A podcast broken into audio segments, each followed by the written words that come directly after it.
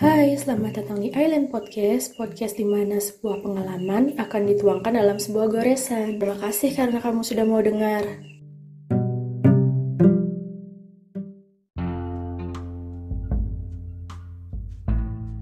Setiap orang memiliki cara berbeda dalam membuat diri mereka bahagia.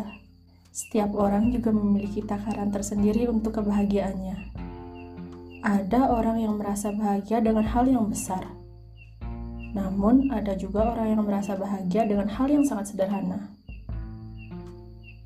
Kadangkala kita tidak sadar bahwa kita juga sering memaksakan apa yang membuat kita bahagia akan berlaku pada orang di sekitar kita.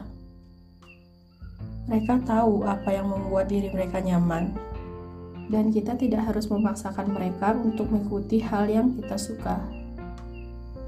Ada orang yang merasa nyaman dan senang ketika mereka jalan-jalan, makan bareng, foto bareng, curhat sampai nangis, ketawa bareng teman-teman. Tapi ada juga yang justru lebih nyaman ketika mereka sendiri, membaca buku, hanya memandangi langit cerah dari jendela mereka, atau hanya berbaring dengan mendengarkan lagu.